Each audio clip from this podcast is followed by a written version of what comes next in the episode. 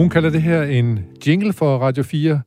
Her i programmet, der kalder vi det en lydbro, man er etableret for, at man kan gå fra nyhederne, timenyhederne, over til det næste program, og det næste program, det er det her, og det hedder Dagen i dag, og mit navn er Jens Folmer Jebsen. Og Dagen i dag er jo et program, hvor vi kigger på øh, det seneste døgns øh, nyheder. Øh, det kunne fx være, at Lego nu har bygget Tom Christensens bil en til en, hans øh, sejrende bil fra Le Mans, og nu venter vi bare på, at måske at øh, man bygger Paul Dissing i Lego eller et eller andet. Vi får se.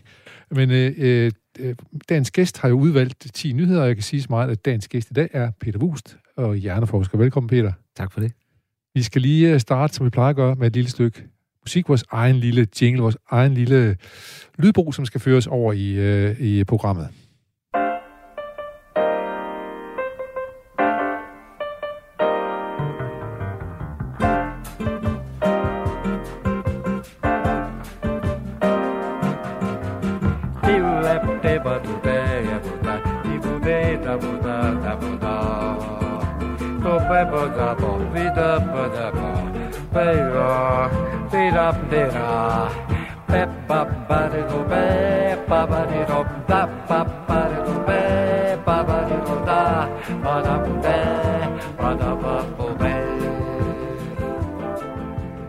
Så kom vi godt i gang med vores vanlige lille Chopin-sang her.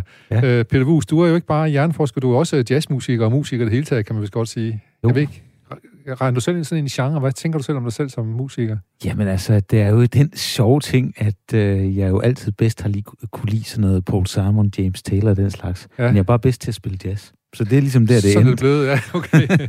men, øh, men Bossa Nova gør heller ikke noget. Bossa Nova er fantastisk. Ja. Øh, du fortalte mig lige øh, på op ad trapperne, at du har lyttet til, øh, til, til klassikerne over alle klassikere, kan man sige, inden for det område. Stan Getz øh, sammen med Joao Gilberto. Ja, det var helt øh, tilfældigt. Jeg kom til at lytte til den her for, øh, for en uges tid siden. Så... Og du kender den formodentlig forfra og bagfra. Ja. Jeg har hørt den rigtig meget, men det er nok 15 år siden, jeg sidst har hørt ja. den. Så jeg tænkte, jeg skulle lige høre, hvad det egentlig var, der var så fantastisk ved den der plade. Altså, vi kender jo alle sammen The Girl from Ipanema. Og så læste jeg også lidt om det på, på Wikipedia, og så, så viser det sig, at den havde en ret sjov historie, den plade, fordi den, øh, pladeselskabet, de troede ikke på den. Så der gik et år, før de udsendte den. Øh, og en af grunden til, at de ikke troede på den, det var, at den var indspillet i New York, og der havde været så mange spændinger i studiet. Så øh, øh, Charles Gilberto øh, Øh, og, og Stan Getz... og komponisten, kan man ja, sige, ikke? Ja? Og jo, jo, Stan Getz, som er saxofonisten på pladen. Ja. Nej, ja, Stan Getz er saxofonisten ja. der, ikke? Og, og hvad hedder det, Charles Gilberto, han på et tidspunkt, han kunne ikke tale engelsk. Så han sagde til Tom Jobim, som, kunne tale, som selvfølgelig er hvad hedder det, brasilianer, men også taler engelsk, kan du ikke sige til den der gringo, at han er den største idiot?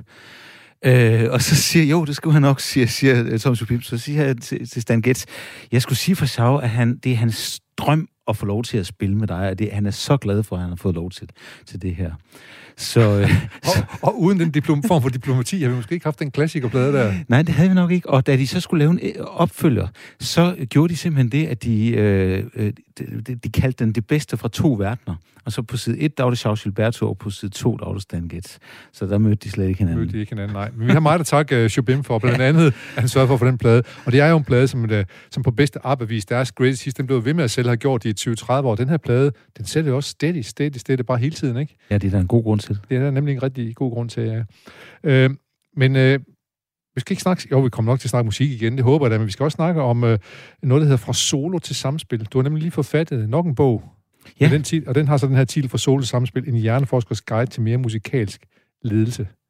Ja, og nu er det jo ikke, fordi jeg ved noget om ledelse sådan fra kurser eller noget, men jeg, har, jeg fik jo sådan en grundforskningscenter for øh, 6-7 øh, år siden, og så pludselig så skulle jeg lede 30-40 mand. Og øh, jeg synes aldrig, de havde fortalt mig, at øh, altså, det, jeg havde jo søgt penge og så videre, og været helt op og køre og fået champagne, da jeg, da jeg havde fået penge og sådan noget. Men da jeg så øh, skulle lede det her center, så var der jo mange ting, som de ikke havde fortalt mig. For eksempel, at jeg skulle tage beslutninger hver evig eneste dag, altså små og store. Og man ved aldrig rigtigt, øh, hvad det er for nogle beslutninger, der bliver virkelig afgørende.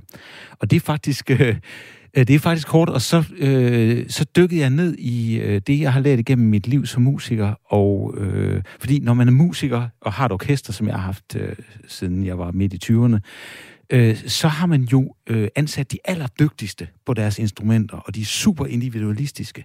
Men musik kan kun fungere, hvis man får det langt det bedste ud af det kollektivt. Altså, det er jo helt ligegyldigt, hvis fire mand spiller sammen, at, at de hver for sig er gode, hvis ikke det lyder godt, øh, det er det, der kommer ud af det. Så, så øh, og det har jeg skrevet en bog. Ja, og, og hvordan, hvordan prøver at fortælle om et, et orkester, hvor, hvor du tage nogle, kan tage nogle af de kvaliteter ud og så sige, her fungerer det her jo, så jeg kan over i en virksomhed også? Jo, altså for eksempel, øh, nu mit eget orkester, der, øh, det som jeg har haft i mange år, der, der, der spiller Lars Jansson, øh, som er en svensk pianist, og Alice Riel, som er en dan, fantastisk dansk trommeslager. Okay. Og øh, det, der er det vigtige, det er, når man kommer med et nummer, det er jo ligesom, hvis man har lavet en handlingsplan som, som chef, ikke? så er det utrolig vigtigt, at man har gjort sig virkelig umage med at lave planen. Jeg synes, jeg selv har haft mange øh, ledere, du ved, der er kommet med en plan, og så har den været meget løs i fugerne. Men når man kommer, kommer med noget, så skal den simpelthen, man skal have lagt alt ind i den, man kan, og den skal være rigtig, og der skal, ikke, der skal være rigtig fortegn og så videre. Øh, så på den ene side, så skal man altså komme med noget, men når man så kommer med det til sine musikere, så skal man bare give det fra sig. Ja.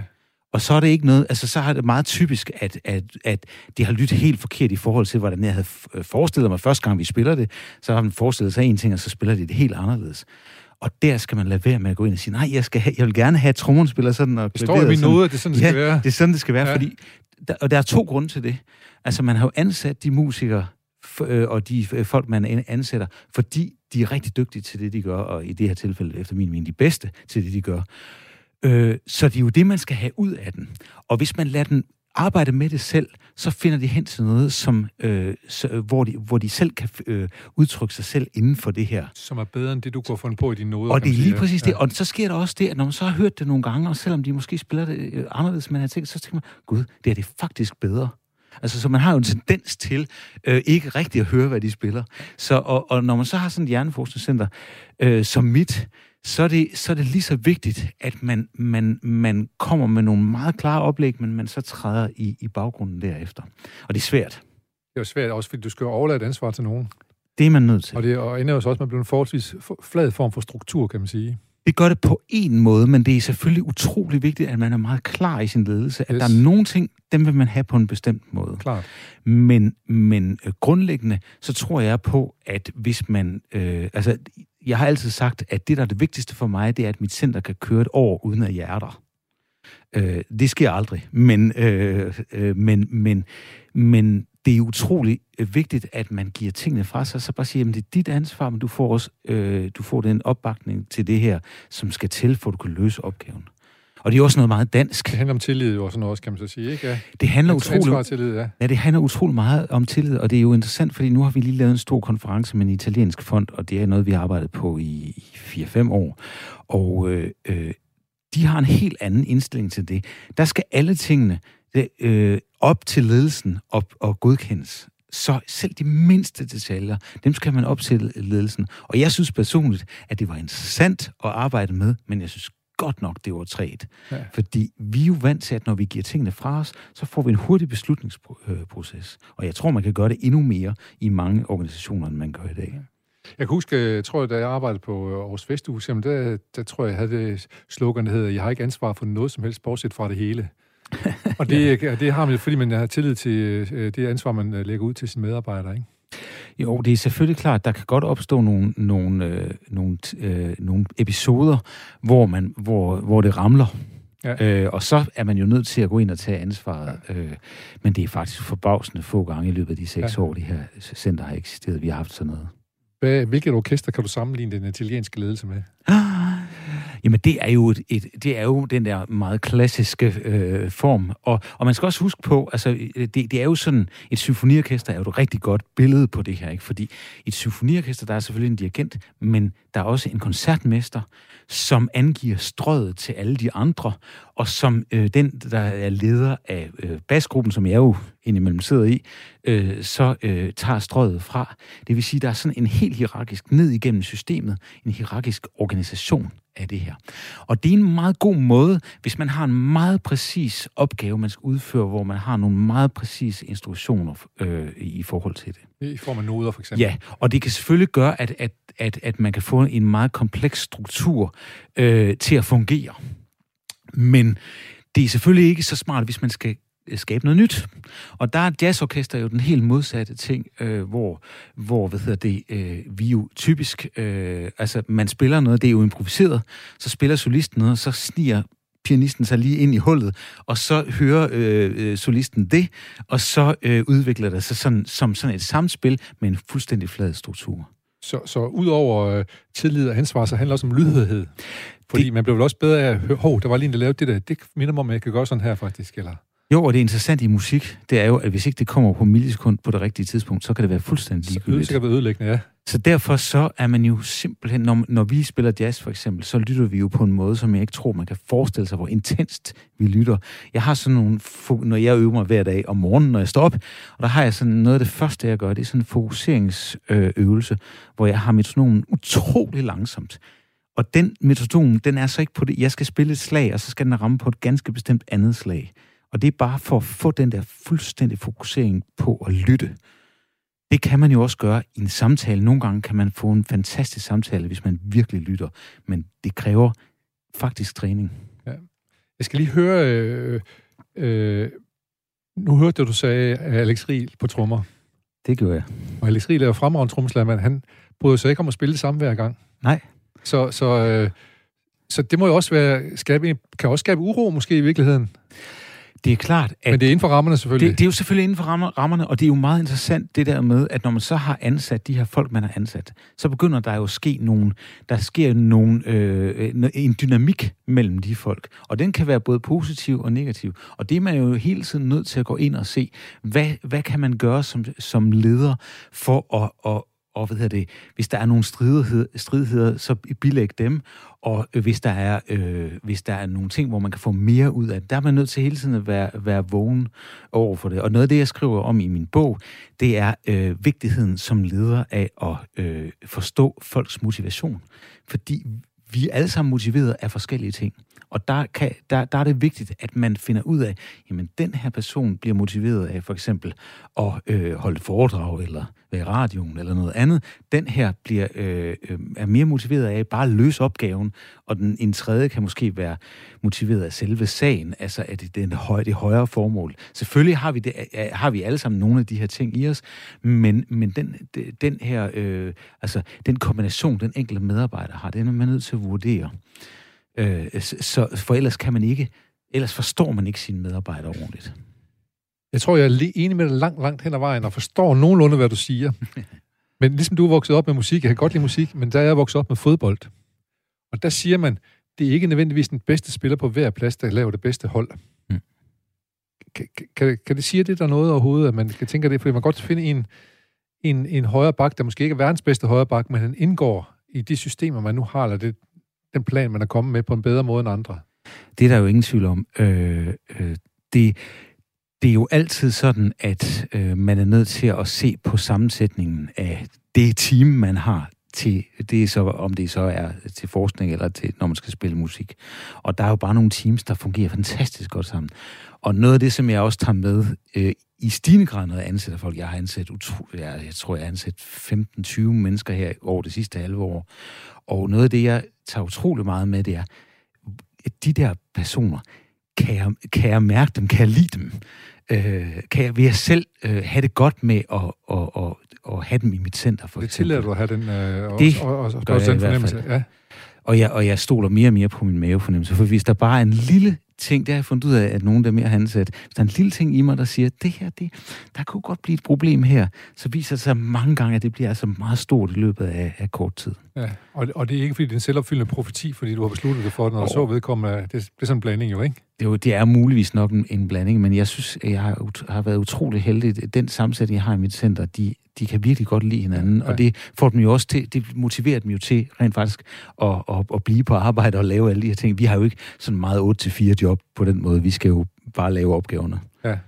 Og jeg kender godt fornemmelsen af det der med, at man har følt sig lidt under pres til at ligesom ansætte en bestemt en, som er anbefalet af nogle af ens gode kollegaer og sådan noget. Man kan bare mærke, at det måske er det ikke helt rigtigt at gøre, og så ender det med at ikke at være helt rigtigt. Ja. Kan man gøre det, ja. Men altså selvfølgelig, det, det, er, jo, det er jo ikke noget, som... Øh, det kan man jo... Der, der, det er jo ikke rocket science, det er jo ikke en eksakt Nej, videnskab. Det er ikke, nej. Øh, så, så, så det er svært. Ja. Men øh, det og meget andet, vi kommer til at snakke mere om dit, øh, din virks, øh, ledelse og så videre, øh, men meget af det kan man læse om i din nye bog, ja. som altså hedder... Øh, fra solo til samspil. ja. Grund til, at jeg lige trækker på det ja. der, vi havde faktisk forskellige titler oppe, men ja. den er kommet til at hedde fra solo til samspil. Godt. Peter Wus fra Solo Samspil, og øh, jeg, jeg spurgte dig lige, fordi jeg var på vare på trappen, der var du lidt, kom du lidt i tvivl om, hvad den hed også, der jeg tænkte, nu skulle jeg lige... Nu ja, ja, det er så godt. øh, nu, skal vi til, nu skal vi lige i gang med nogle af vores uh, 10 nyheder, men øh, jeg skal måske også lige sige, at øh, der er nogle folk, de holder i hverdagen. Her i programmet, der holder vi. Radio. Stille på din radio. Skru op. Stille på din radio. Oh, oh. Der er gang i din radio. Skru op på din radio. Stille. Skru op på din radio. Oh, oh. Så kommer sgu gang i punken. Ja. ja herligt. Uh, Peter Wust, musiker, primært aktiv som jazzmusiker, mm. Men først og fremmest så er du leder af et hjerneforskningscenter, tror jeg, det hedder. Det gør det. Ja, øh, og, øh, og også forfatter nu til bogen Fra Solo til Samspil. Vi skal, hvor stor er det egentlig, dit institut deroppe? Jamen, øh, i øjeblikket er vi lige lidt over 30, og øh, inden års udgang er vi 40. Vildt. Så. Vildt. Ja. Og hvor mange år har du haft det kørende? Fordi... Ja, altså, jeg har jo... Ja, det, er, det er en del år, men det blev til et center i øh, 2015. Okay. Så... Det er jo kommet til at overleve dig. Det håber jeg så, men det gør. Ja, skide godt. ellers, så har jeg, ellers har jeg ikke gjort mit job ordentligt. Så, øhm, men det har du, fordi du har, du har bygget det op som et godt orkester jo, så det skal nok fungere. Det spiller godt. Det spiller. Lad os se, øh, på 10. pladsen, Peter, der har du en nyhed, øh, som handler om, øh, at der nu er en båd på vej til sygeplejersker. Nogle sygeplejersker, som på trods af, at, at Folketinget har besluttet sig for, at nu skal de stoppe øh, deres, deres arbejdsnedlæggelse, og hvis de strækker nu, så er den overenskomststridig det, de gør. Og nu er alligevel nogen, der strækker, og nu har de så fået en bod på mellem 56 og 86 kroner per time, når de laver overenskomststridige arbejdsnedlæggelser. Det er det, der hedder den danske model, hvad synes du om den danske model, hvor, hvor man siger ind til parterne, bliv nu enige med hinanden, for ellers så kommer den store busmand, og det er Folketinget. Jamen, vi er meget stolte af den, og jeg tror også, den er meget, meget effektiv. Nu min søster er formand for arbejdsretten, så jeg føler en lille smule med i det. Ja, ja. Øh, men altså, den danske model er, er, er efter min mening den bedste måde, man kan organisere det her på. Øh, fordi vi kan, vi kan både, øh, hvad hedder, vi har en sikkerhed i vores arbejde, men vi, kan også, vi er også fleksible. Så det, det, det, er jo, det giver sig selv, men altså, det er jo interessant, fordi jeg har jo 60% udlænding i mit center. Jeg, skulle nødt til at spørge, du har en stor virksomhed, ja. hvor folk kommer fra hele verden, og hvad, hvad kan den danske model der? Jamen altså, den, den danske model kan selvfølgelig det, at, øh, øh, at, at hvis de kommer fra EU, så går det vældig godt. Men øh, der er utrolig mange problemer med, at, øh, med medarbejdere, man har uden for EU. Øh, øh, Altså, vi har for eksempel, har, jeg har haft en kolumbianer ansat i en del år. Han er sindssygt dygtig. Og øh, han har fået nogle store legater, og han skal så over til et hjerneforskningscenter i USA. Og så pludselig, så går der alle mulige regler i gang, som gør, at han, at han ikke kan komme afsted på den rigtige måde, ikke kan få sit visum, ikke kan blive i Danmark, hvis, hvis vi så overlader ham til dem. Og og, og det er faktisk øh, en daglig udfordring at få de der regler til at gå op. Øh, altså det, det, den, der, øh, det der, den der forskel mellem os øh, og, og dem, der er uden for EU. Øh, så, øh, så det bliver vi nødt til at kigge lidt på, fordi at, øh, det bliver vel mere og mere sådan, at arbejdspladser bliver blandet ikke bare øh, kønslige, men også øh, internationalt.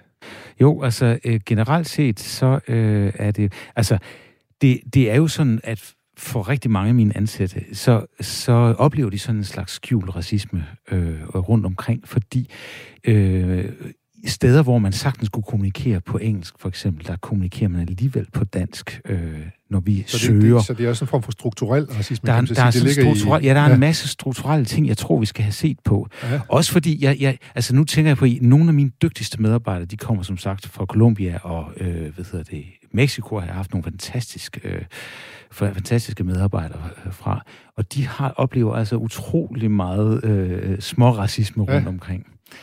Øh, Og hvad- prøv at give nogle eksempler på det. Kan det være den måde, de henvender sig med deres øh, fondsansøgninger og sådan noget? Eller? Ja, altså, der, det kan godt være, øh, for eksempel nogle af de, øh, hvis de skal have etisk godkendelse, så er det først for nyligt, at man kunne indsende det på engelsk, for eksempel. Og øh, det er jo forskere, så, så vi skriver det alligevel på engelsk. Altså, det er en fuldstændig vanvittig idé, at vi skal oversætte til dansk og så tilbage til engelsk.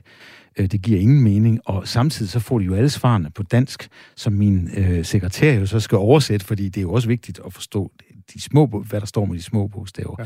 Så bare det sproglige er, er, er, er meget svært for dem. De, Ja. de synes, det er utrolig sjovt at lære at tale dansk.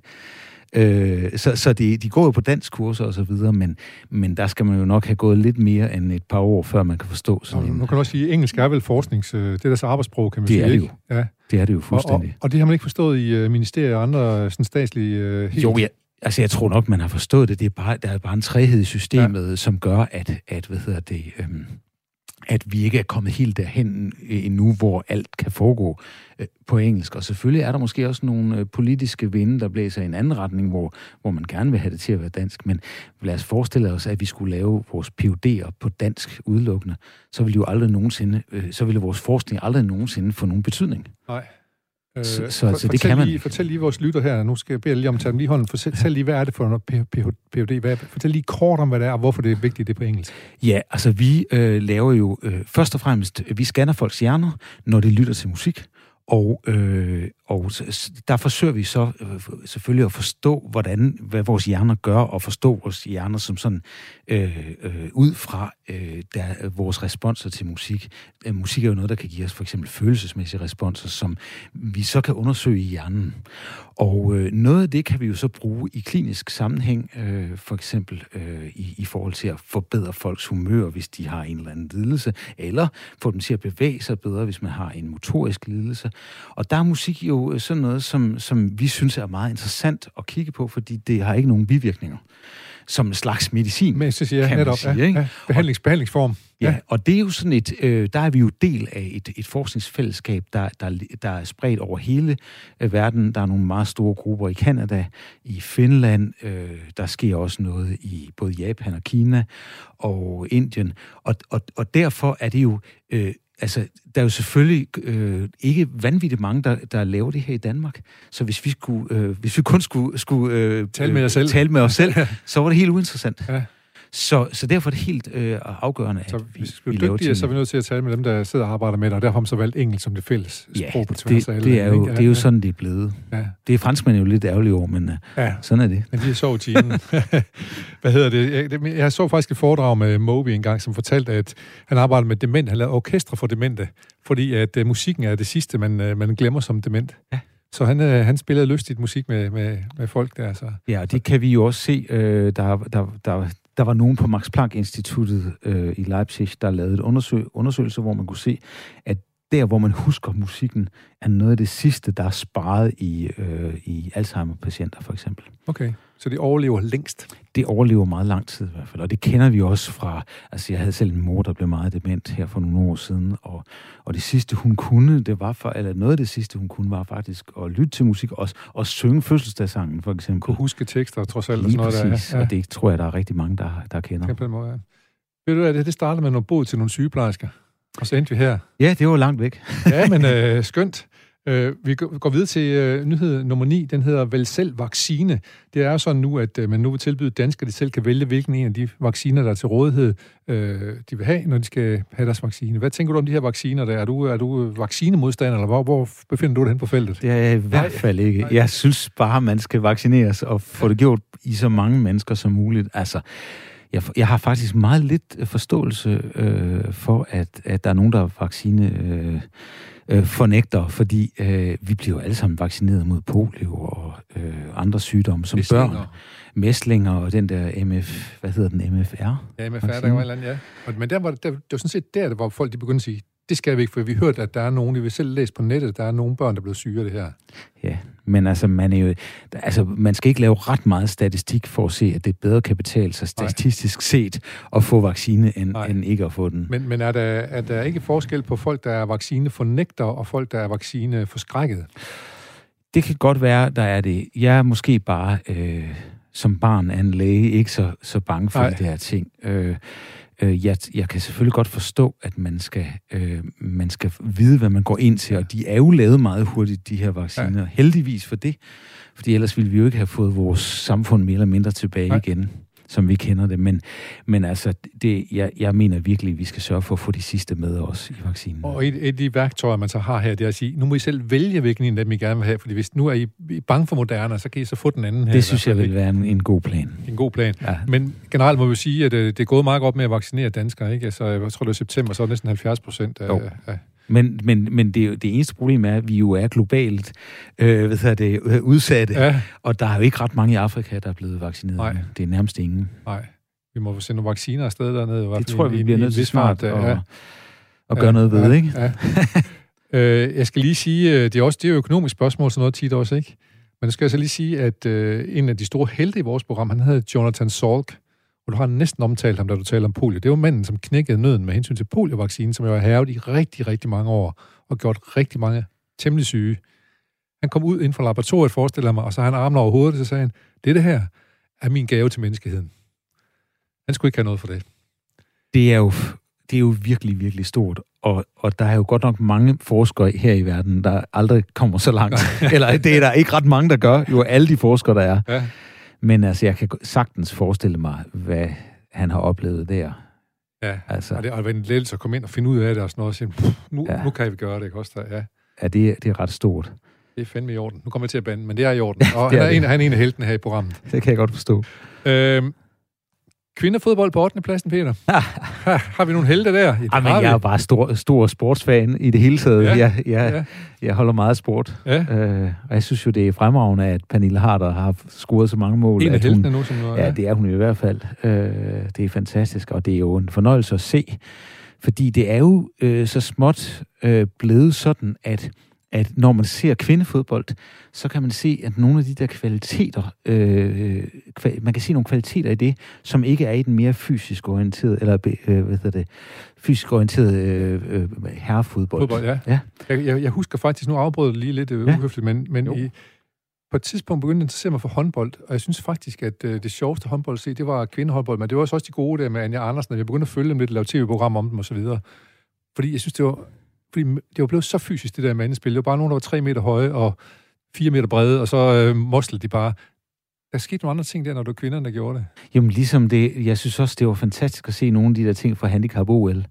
Fordi man faktisk så nogle, nogle, nogle detaljer, som man ikke, øh, som, ja. som man ikke ville se, se øh, i, i almindelig OL. Ja. At, det, det er jo... Øh, og, og, det, og det synes jeg bare er dejligt, at, at vi kan, at, at mænd og kvinder jo kan udtrykke sig forskelligt inden for de samme rammer. Ja. Øh, nu er jeg jo selv golfspiller. Øh, ja, og, og hvad er det? Øh, sidste uge havde Anders Dahlstrup på besøg. Han havde 10 handicap nu. Okay. Det var han også pavestolt over. Jamen, det kan jeg da godt forstå.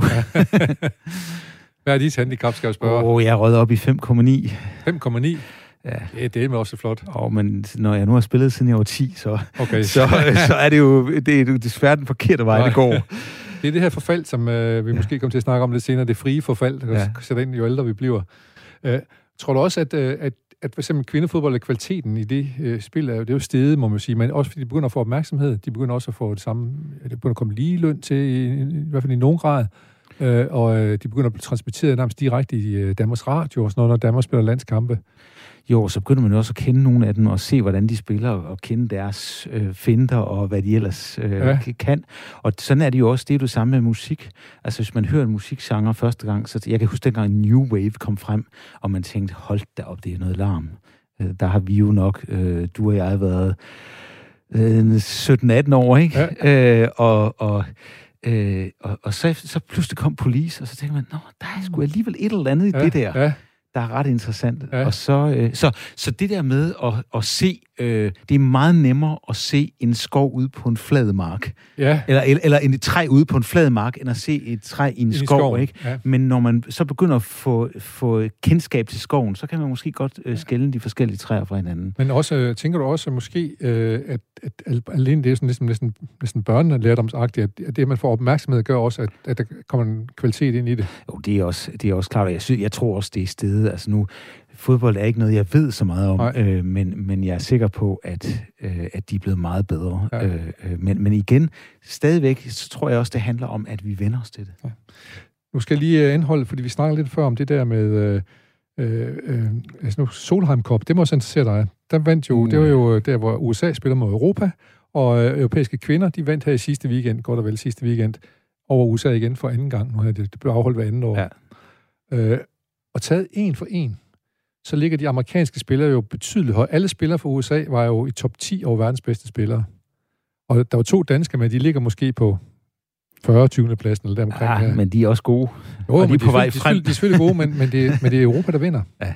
Og det er det, vi snakker om. Øh, Ja. Hvis man tager de bedste, så vinder man ikke nødvendigvis. Nej, og det er jo også det, øh, der er jo den her Ryder Cup, der kommer i næste uge. Det er herrenes, Herrenes samme, tilsvarende turnering. USA Europa. Og der har man jo, der har øh, Europa klaret sig ekstremt godt over de seneste øh, mange år, og det er det samme, der gælder.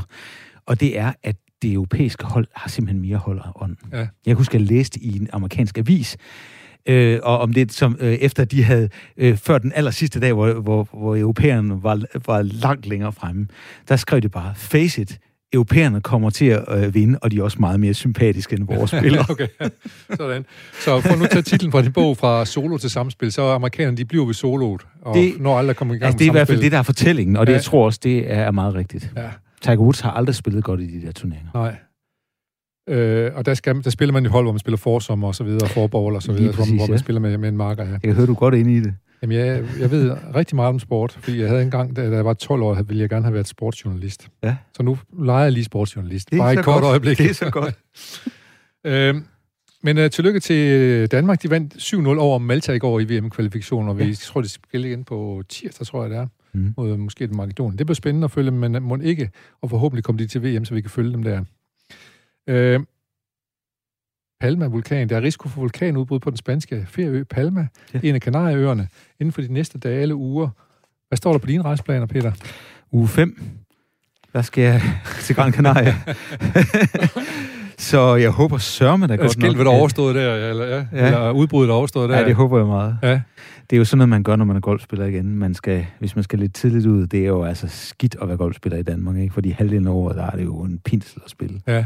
Så øhm, Så du tager til Gran Canaria og spiller? Ja. Og så må man så sige, så får man nogle andre former for handicap, hvis der er vulkanudbrud samtidig med, at man spiller. Hvem spiller du med, når du sådan tager til Gran Canaria? jamen, vi er, vi er nogle stykker. Min Ja. søster blandt andet, Ja. min kone og min far. Og Ja. så nogle venner, vi har, der tager ud og spiller sammen. Vi var i, sjovt nok var vi i Marokko en uge før øh, det hele, øh, altså øh, coronapandemien ja. øh, brød løs. Så vi var sikkert ikke kommet hjem, hvis det var sådan, vi havde været lidt, lidt senere Hvis du på lidt langt på, på, Ja. ja. på, på 18. hul der, så Ja, ja. Men men I nåede hjem. Det var godt. Det er vi Vi glade for. hjem, Ja. Øh, men det er jo øh, fyldt med risiko at tage ud og rejse jo. det er det. Ja, men det, Det- afholder jo ikke fra det. Nej, men jeg synes jo, det har været rigtig godt ved... ved altså, corona har jo også været godt for mange ting, faktisk. Øh, og en af de ting, det har været godt for, er, at øh, jeg skulle have holdt øh, foredrag i, i går i Cambridge. Og øh, hvad hedder det, på grund af corona, så... Øh, ja, jeg ved ikke engang, om jeg kunne, men jeg sagde i hvert fald med det samme der, da de spurgte mig, det vil jeg gerne, men jeg vil gerne gøre det online. Og ja. Det går jo ganske glimrende nu om dagen, så Ja. vi kan jo altså spare virkelig meget rejse øh, Ja. øh, på den her Ja. bekostning. Så det, både øh, med hensyn til CO2 og ens familieliv og ens arbejdsliv Lige og alt muligt andet, så bliver tingene lidt øh, nemmere. Man vender sig til nogle nye måder at gøre ting på. Det gør man. Øh, vi, vi skal simpelthen lige, inden vi lige holder en lille musikpause, så skal vi simpelthen have en lille, øh, en lille sjette plads, hvor du har noget om øh, Dansk Folkeparti. De er jo i krise, og de holder jo øh, landsmøde nu her. Det gør de. Og hvad sker der? Vi ved det ikke. Mm. Men øh, hvorfor? Øh, det er jo så stru- det er jo parti, der under så, så, så stærk ledelse og stram, øh, hvad skal man sige, at der er ikke nogen, der har udtalt sig, medmindre Pia Kjærsgaard, hun har næsten har, har godkendt det. Nej, sådan, sådan har det jo været, Været, ja, ja. indtil nu, og det er, jo, det er jo meget interessant at se. Nu hørte jeg et langt interview øh, i radioen for nogle, for nogle uger siden øh, med Christian Thulesen Dahl, da den her sag kom op. Og øh, han er jo ekstremt god til diplomatisk og sympatisk at udtale sig om de her ting. Men det lader jo ikke til at have lagt øh, hvad hedder det, en dæmper på det, Nej. og det er jo nok... Altså, det er jo, nu er jeg jo overhovedet ikke øh, særlig, hvad hedder det, øh, politisk kyndig, men det er jo nok det, at, at øh, krybben er ved at være tom. De har ikke så mange vælgere, og så begynder hestene jo at bides. Det, det. Øh, og, og, og det, der er jo øh, det interessante ved det, at det er den jo nok, fordi de jo pludselig har fået konkurrence. Før i tiden, så havde de et meget klart budskab, og de, man kunne sige, de stod på den ene fløj, og, og der var simpelthen ikke nogen, de behøvede at konkurrere med om at være længst derude. Men nu er der jo kommet konkurrence for Nye Borgerlige og andre. Socialdemokratiet. Og Socialdemokratiet, ja. ja. som også op, noget ja. politik, jo ikke? Ja. Jo, og, og, og der vil jeg så sige, helt generelt set, så har jeg altid tænkt, øh, at, at øh, yderfløjernes synspunkter lyder jo utrolig skarpe og stærke og nemme at forsvare. Men det bliver så straks meget mere mudret, når man skal ind der, hvor, hvor, hvor det realitetspolitikken i virkeligheden er. Ind på midten der, hvor der er kamp om synspunkterne, og hvor det kan være nuancer. Øh, og, og, Og der- kompromiserne blev nødvendige. og kompromiserne bliver nødvendige, så, så det er jo nok det, der er der, den her krise skyldes, og Ja. det, er jo, det er jo nok den underliggende årsag, som man måske skulle kigge lidt mere på, i stedet for at kigge på personerne. Og kan man måske også tænke, at det var en af grundene til, at de øh, undlod at gå i regering, da de faktisk lå til dem alle deres mandater, og så var de så lidt øh, krysteragtigt trak sig ud, fordi de vidste godt, så blev de måske fældet ind i noget, de ikke skulle fældes ind i, og nu er det så sket alligevel. Ja, altså det er jo, man kan jo aldrig forudsige, hvad der Nej, skal ske i nej, fremtiden, og, nej. og ja, det, der, der er ingen tvivl om, det har været en del af deres overvejelse øh, dengang, men øh, de kunne ikke have forudsagt, Nej. at der kom de her øh, konkurrenter på Nej. banen. Vi får se, hvad der sker, om det ender som i de gode gamle fremskridtsparti, der er, hvor det hele gik op i store skænderier, og hvor, hvor, hvor de skældte hinanden ud og kaldte hinanden det værste og sådan noget. Nu, øh, nu det får vi jo syn for savn for de næste to-tre dage, så Ja. er det spændende, om, om formand stadigvæk hedder Thulesen Dahl. Ja, så når man er interesseret i sport, så, så det her minder lidt Det minder lidt om det lige i øjeblikket. Jeg synes også, det spiller også, at det bliver, det bliver kommunikeret ud i pressen og så videre, ja. Ja. Øh, ved du hvad, vi skal sgu have et stykke musik. Det lyder godt.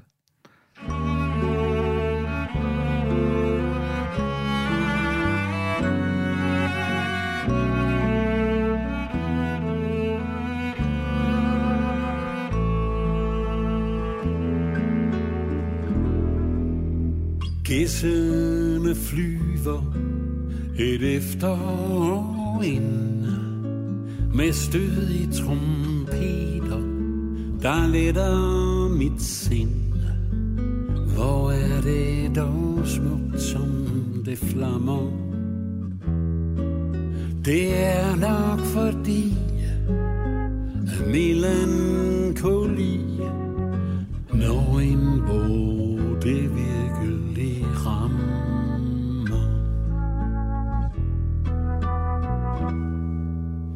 Jeg elsker september med skarphed og glød. Det grønne, der visner En himmel så rød. Med mudder og møg på min støvle. Alt flyver forbi. Man går lidt i. Det er tid til at tænke vrøvle Bladene flyver som skæld fra hver træ. Jeg tæller hver time. Jeg tæller hver dag. Mens mesteren smiler og rafler. Hvornår bliver det? Hvornår skal jeg væk? Jeg frygter længes En nysgerrig skræk Efter trommernes bulren Og træer der står Som de smukkeste stemgafler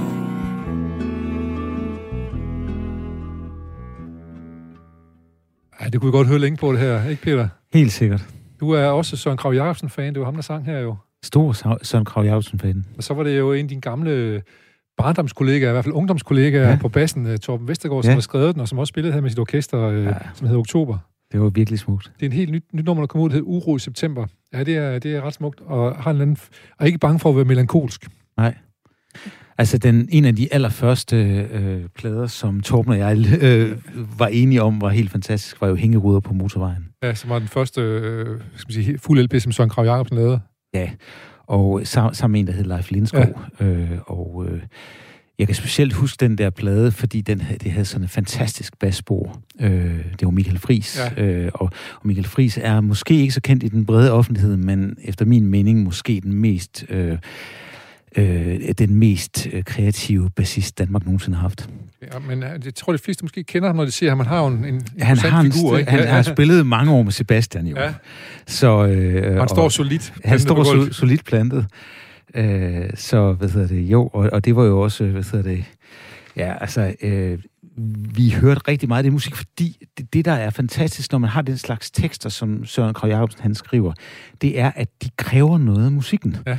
Det vil sige, de skubber til det, man kan med musikken, og så bliver musikken en lille smule mere overraskende, end, end den ville have været. Ja. Fordi det er bygget meget op om, om, om øh, teksterne. teksterne. Ja. Han skriver jo nogle vanvittigt gode tekster, også som den her, hvor han nu påtager sig sin alder også, Ja, øh, og siger, der er uro i september. ja altså, øh, øh, han var jo ellers kendt for at skrive om, om, om børn. børn og unge og så videre. Og unge, ja, ja, han har nu lavet nogle, heldigvis nogle scener også, men, ja, ja. men det minder mig også lidt om at Halvdan Rasmussen, der jo også har lavet, skrevet meget for børn og unge og så videre, som pludselig lavede den, der hedder Den, som har set september. Ja. Som også er hans, hvad skal man sige, efterårs øh, album, kan man sige. Eller, Det, er- det er meget sjovt, fordi Ja. jeg snakkede med Torben om det på et tidspunkt, og vi blev enige om, at, at vi havde meget med de der måneder.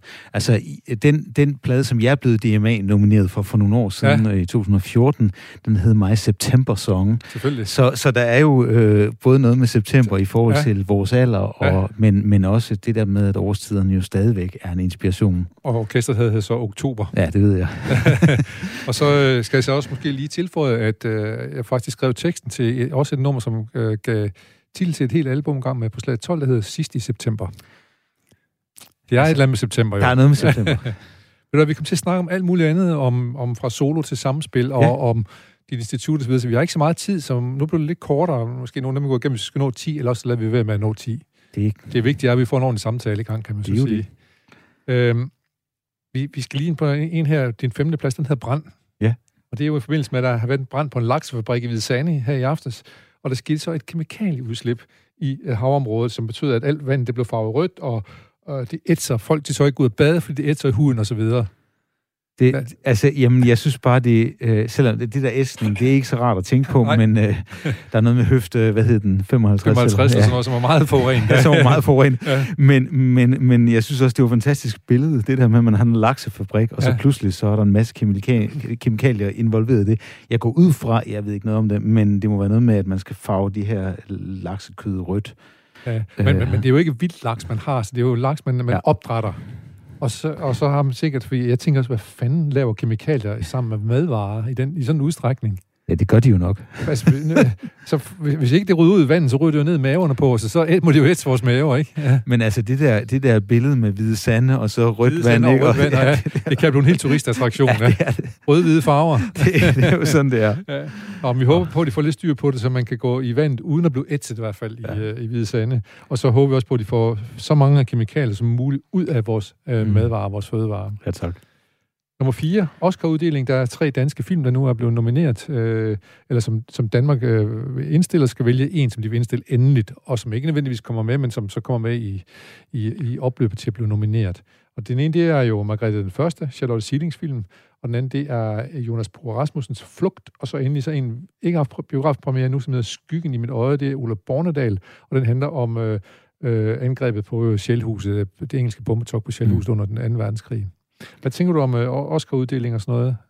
Jamen, jeg synes, det er en god ting. Ja. Øh, det gør jo opmærksom på noget kultur, og selvfølgelig er det noget med at give, ligesom når vi giver karakterer til kultur, det kan jo godt virke lidt mærkeligt, Ja. men, men jeg, jeg tror, det er jo kommet for at blive, Ja, kan man det, sige. det tror jeg også, ja. Det, Og, og, og, og jeg synes også, det er sjovt, fordi det kan jo også gøre, at vi sublimerer nogle ting til nogle bestemte formål. Nu er jeg ikke så vild med den klassiske Oscar-film som sådan, men der kan jo være andre typer af filmfestivaler. Der er nogle koreanske film, der vandt også, og sådan noget. Pludselig. Ja, ja, de var, var gode. fantastiske virkelig, film. Ja, virkelig ja. fantastiske. Ja. Øh, så det er jo en måde at, at, at, at lave nogle regler, som sætter en standard, ligesom Michelin-stjernerne for eksempel. Ja, ja, hvad synes du om det for eksempel? Nu har vi lige haft, jeg vil ikke kalde hysteri, men der er i hvert fald været op og, og, og ringe over, om, om vi nu fik lige så mange stjerner som sidst, og så videre. Det kan man selvfølgelig godt sig over, det gør ja. jeg sådan set også, men jeg synes stadigvæk, det er rart, at øh, nu har jeg selv været på en del Michelin-stjernerestauranter i Frankrig, fordi jeg du interesserer ja, lidt for mad og Frankrig. Jeg er ja. mest for Frankrig, men, ja. øh, men, men der synes jeg, det er jo utrolig sjovt at gå ind på sådan en 60-stjernet Michelin-stjerne-restaurant. Øh, øh, og øh, opleve den der perfektion i, hvordan tingene ligger, og hvordan øh, det hele det spiller, og hvor dygtige de der tjenere er øh, på, på alle niveauer. Det er bare interessant at se det bedste. Øh, altså det, det minder mig jo meget om det, som vi har i vores, som forskere. Jeg tror ikke, øh, de, de fleste mennesker er måske ikke klar over det, men forskere konkurrerer jo om at komme i de rigtige tidsskrifter. Ja, jeg skal til at sige, I må også, øh, jeres, øh, I må også blive bedømt, og det må også være vigtigt, for jeg bliver bedømt, som der er for en restaurant for eksempel, som Lige præcis, og der har man jo simpelthen sådan nogle tal, der hedder impact factor, som et hver tidsskrift øh, har en impact factor, det vil sige, hvor mange gange bliver deres artikler citeret. Og, øh, og der er det jo meget, meget typisk, altså vi, vi har øh, mange, tidsskrift, øh, mange af vores artikler i sådan nogle tidsskrifter, der giver har impact factor på mellem 4 og 7 for eksempel. Det er meget, meget, meget almindeligt for os. Øh, og det er selvfølgelig rigtig respektable og gode tidsskrifter, hvor tingene bliver citeret pænt. Men en gang imellem øh, får man lov til at komme i et tidsskrift som for eksempel Nature, som så har impact factor på 33, og som så, øh, Nature Science er ligesom topscorerne inden for det, vi kan. Så det, det du vi, aimer mod, det er, at noget af det forskning, du fremlægger, det må gerne komme i Nature? Lige præcis, men når man så får sådan en artikel derind, så går der en hel proces i gang, hvor, man, hvor det skal kvalificeres meget mere stramt. Der er meget hårde reviews af det, altså øh, peer review, altså vores fagfælder bedømmer det på en meget hårdere måde. Det skal, der må bare ikke være nogen huller i og det. Og kontroltjek og så videre. Og så, og så kontroltjek, ja, ja. og efter det, så begynder der er også en hel editorgruppe at, at rette alt muligt mellem himmel og jord. Men det er jo fantastisk godt for mig at prøve det, fordi det gør, at jeg ved, okay, der er en standard der, som jeg måske skal se, om jeg kan ramme noget mere af i min forskning. Ja. Så, så jeg kan godt lide standard. Ja, så er du dialog en gang mellem Nature? Eller? Ja, ja. De, de er, ja. ja, ja. Vi, vi, øh, vi, vi, vi er i, gang, vi er ja, i dialog med den. I er i gang, så, I er gang med ja, ja. At, forhøje jeres tal fra, det, fra 3-4-5 stykker og så op til nogle 30. Det ja. kan du tro. Ja. Og det er vel også godt i forhold til, når I skulle søge øh, flere fondsmidler? Sådan jo, jo. Til, øh, det, er, det, er, det, det, det er meget effektivt. Ja. Nu til noget helt andet. Ja. Jeg kan, måske kan jeg også godt sige, måske er det ikke noget helt andet. Må man gerne have crop top på, på arbejde op hos jer? Det må man i hvert fald godt. altså, ja, altså, jeg ved ikke, altså, jeg, jeg tror ikke, de skal ønske, at jeg tager det på, men øh, ved du det... Øh, men altså, det, det tror jeg ikke, det er der ikke nogen, der vil øh, være, være ked af. Altså, det er jo også det, som, som man kan, når man har min alder. Øh, så, så kan man også øh, øh, undre sig over den her øh, puritanisme, der er kommet, øh, hvor man ikke må vise... Men det er jo ikke noget, man alder gør. Det har noget at gøre med, hvad du har oplevet tidligere i dit liv, ikke? Jo, jo. Ja, hvordan, hvordan, det er det selvfølgelig. Tiden har været. Ja. Tiden har skiftet, kan man sige. Ja, fordi da jeg var ung, der, der var, måtte man jo... Øh, altså, der gik alle folk topløse på, på strandene. Ja. Det kan godt være, at de var lidt generet af bly, som C.V. Jørgensen ville sige. Ja, ja, ja. Men, men der var der jo ikke nogen, der ville øh, se skævt til det. Nej. Og der er jo kommet meget mere af den slags. Jeg mener, jeg kan huske, at øh, jeg selv havde bare kommet i skole i et par speedo en dag. ja, det kunne jeg godt forestille mig om dig. øh, men, men altså, i hvert fald, det interessante er selvfølgelig, hvordan tiderne de udvikler sig. Og i, i dag er der jo, det, det er jo også sådan, at på nettet, så så er der nogle billeder på en, en bog, der, hvor man sætter nogle æbler på i stedet for, for brystvorter, fordi det må man endelig ikke se. Ja. Og det er jo... Øh, og, det, og stadigvæk så er det hyperseksualiseret derinde jo, ikke? Det er lige altså, præcis. Så, men men du, altså, må ikke, du må ikke lige... Nej. Der skal komme en snor op igennem revnen, ballerne ja. og sådan noget, ikke? Ja. Og det er jo selvfølgelig... Øh, det, det kan man jo det kan man jo godt øh, morse over, men det, det viser jo også noget om øh, den indflydelse, som, som den globale indflydelse, øh, øh, vi oplever nu ja, dage, ja. hvor det bliver sværere for, for os at, at sige, at vi vil gerne have det på den her måde. Kan vi ikke også godt lige sige, at måske handler det også en lille smule om, at den almindelige, øh, hvad skal man sige, øh, naturlige øh, frigjorthed, den måske blev dæmpet lidt af, at man risikerer at blive taget billeder af og lagt ud på nettet mod sin vilje. Og det er klart, og der er selvfølgelig en masse i det også, og ja. det er jo nogle forfærdelige historier med unge mennesker, som... Ja øh, som oplever pludselig at blive øh, delt, øh, delt øh, på nettet. Altså, og det, er jo, det, er jo, det har jo selvfølgelig ændret det. Det er jo det samme, som, som hvis jeg skriver en e-mail, så tænker jeg altid, kan jeg tåle, at hele verden ser den her Ja, e-mail? fordi det kommer de måske til, hvis... Ja. Lige præcis, ikke? Ja. Så det har jo ændret sig, Ja. og det, verden ændrer sig jo, det er klart. Det gør USA også. Her på din anden plads, der er, øh, er der en nyhed om, at, at der snart øh, der er en demonstration på vej i Washington på, på lørdag, og nu er man ved at forberede sig på, at nu skal det ikke gå så galt som sidst, hvor der Mm. var angreb øh, på Capitol, på, på regeringsbygningen. Så nu er man begyndt at sætte hegn op og være i god tid. Hvad, hvad tænker du om det, der sker i USA lige i øjeblikket, og den her forholden sig til, til hvad skal man sige, rabiate, til rabiate? Jeg synes, at øh, det var en vigtig nyhed, Ja. at den skulle op på andenpladsen, fordi ja. øh, det er da noget af det mest skræmmende, jeg nogensinde har set, øh, det der skete i USA, fordi for, øh, om vi vil det eller ej, så er vi jo utrolig afhængige af, af, at USA er, har et fornuftigt styre. Og øh, det der med, at, at det, her, det her med, at demokratiet på den måde er under beskydning, det er jo ikke småting, det har været, øh, det, det har været udsat for. Altså det, det, det virker dog, som om det stadigvæk holder, men det er altså, der er ikke langt fra demokrati til, øh, Nej til noget andet, der Autor- ikke er så autoritært, ja, ja. Og der står i hvert fald nogle med nogle store hammer og banker på fundamentet derovre, ja. Kan man lige sige i øjeblikket. Jeg tror, det er, er det 80 procent af de demokratiske vælgere, som mener, at Biden ikke er leg- legitim øh, valgt.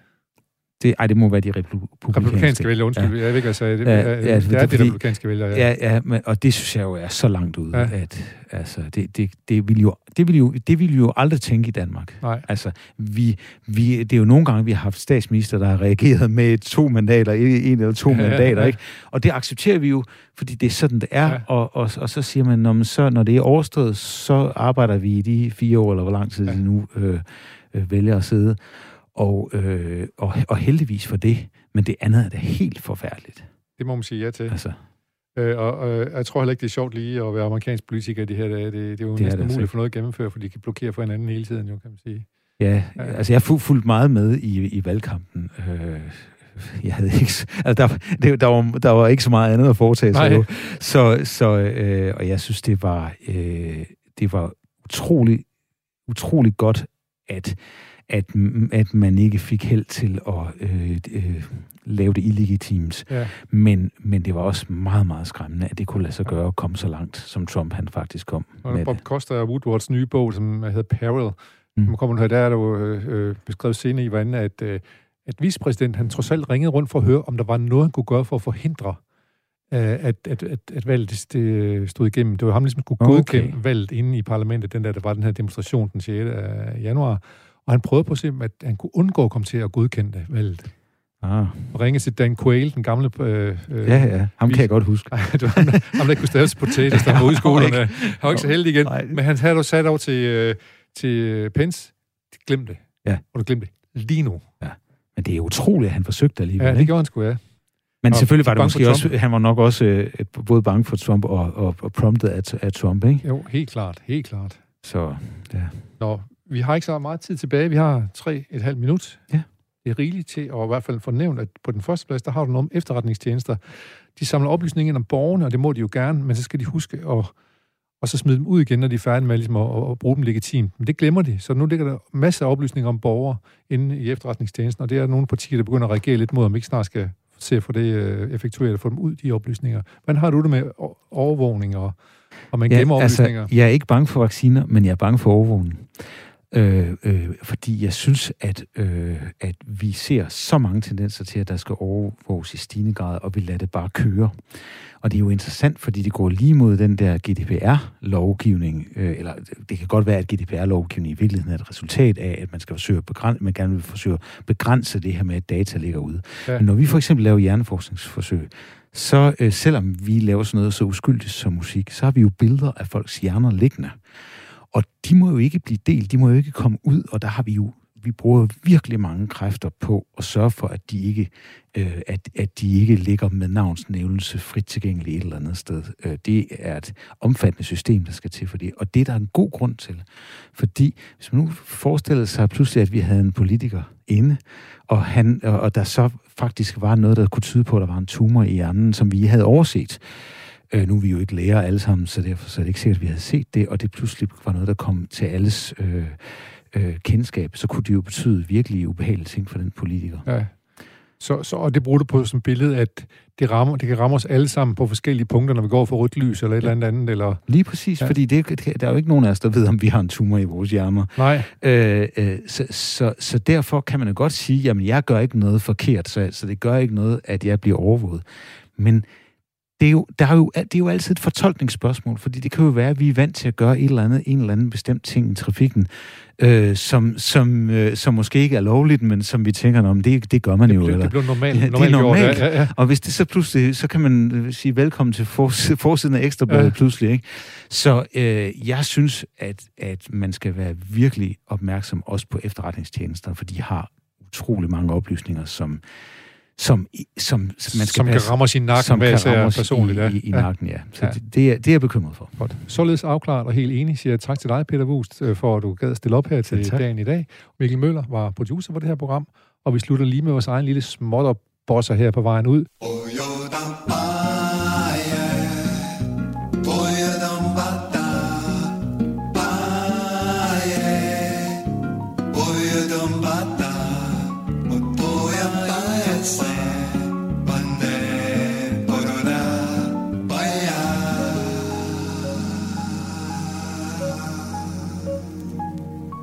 småt op bossa. Det betyder, at dagen i dag er forbi, og at øh, vi nu skal stille om til timenyhederne her på Radio 4. Ha' en herlig aften.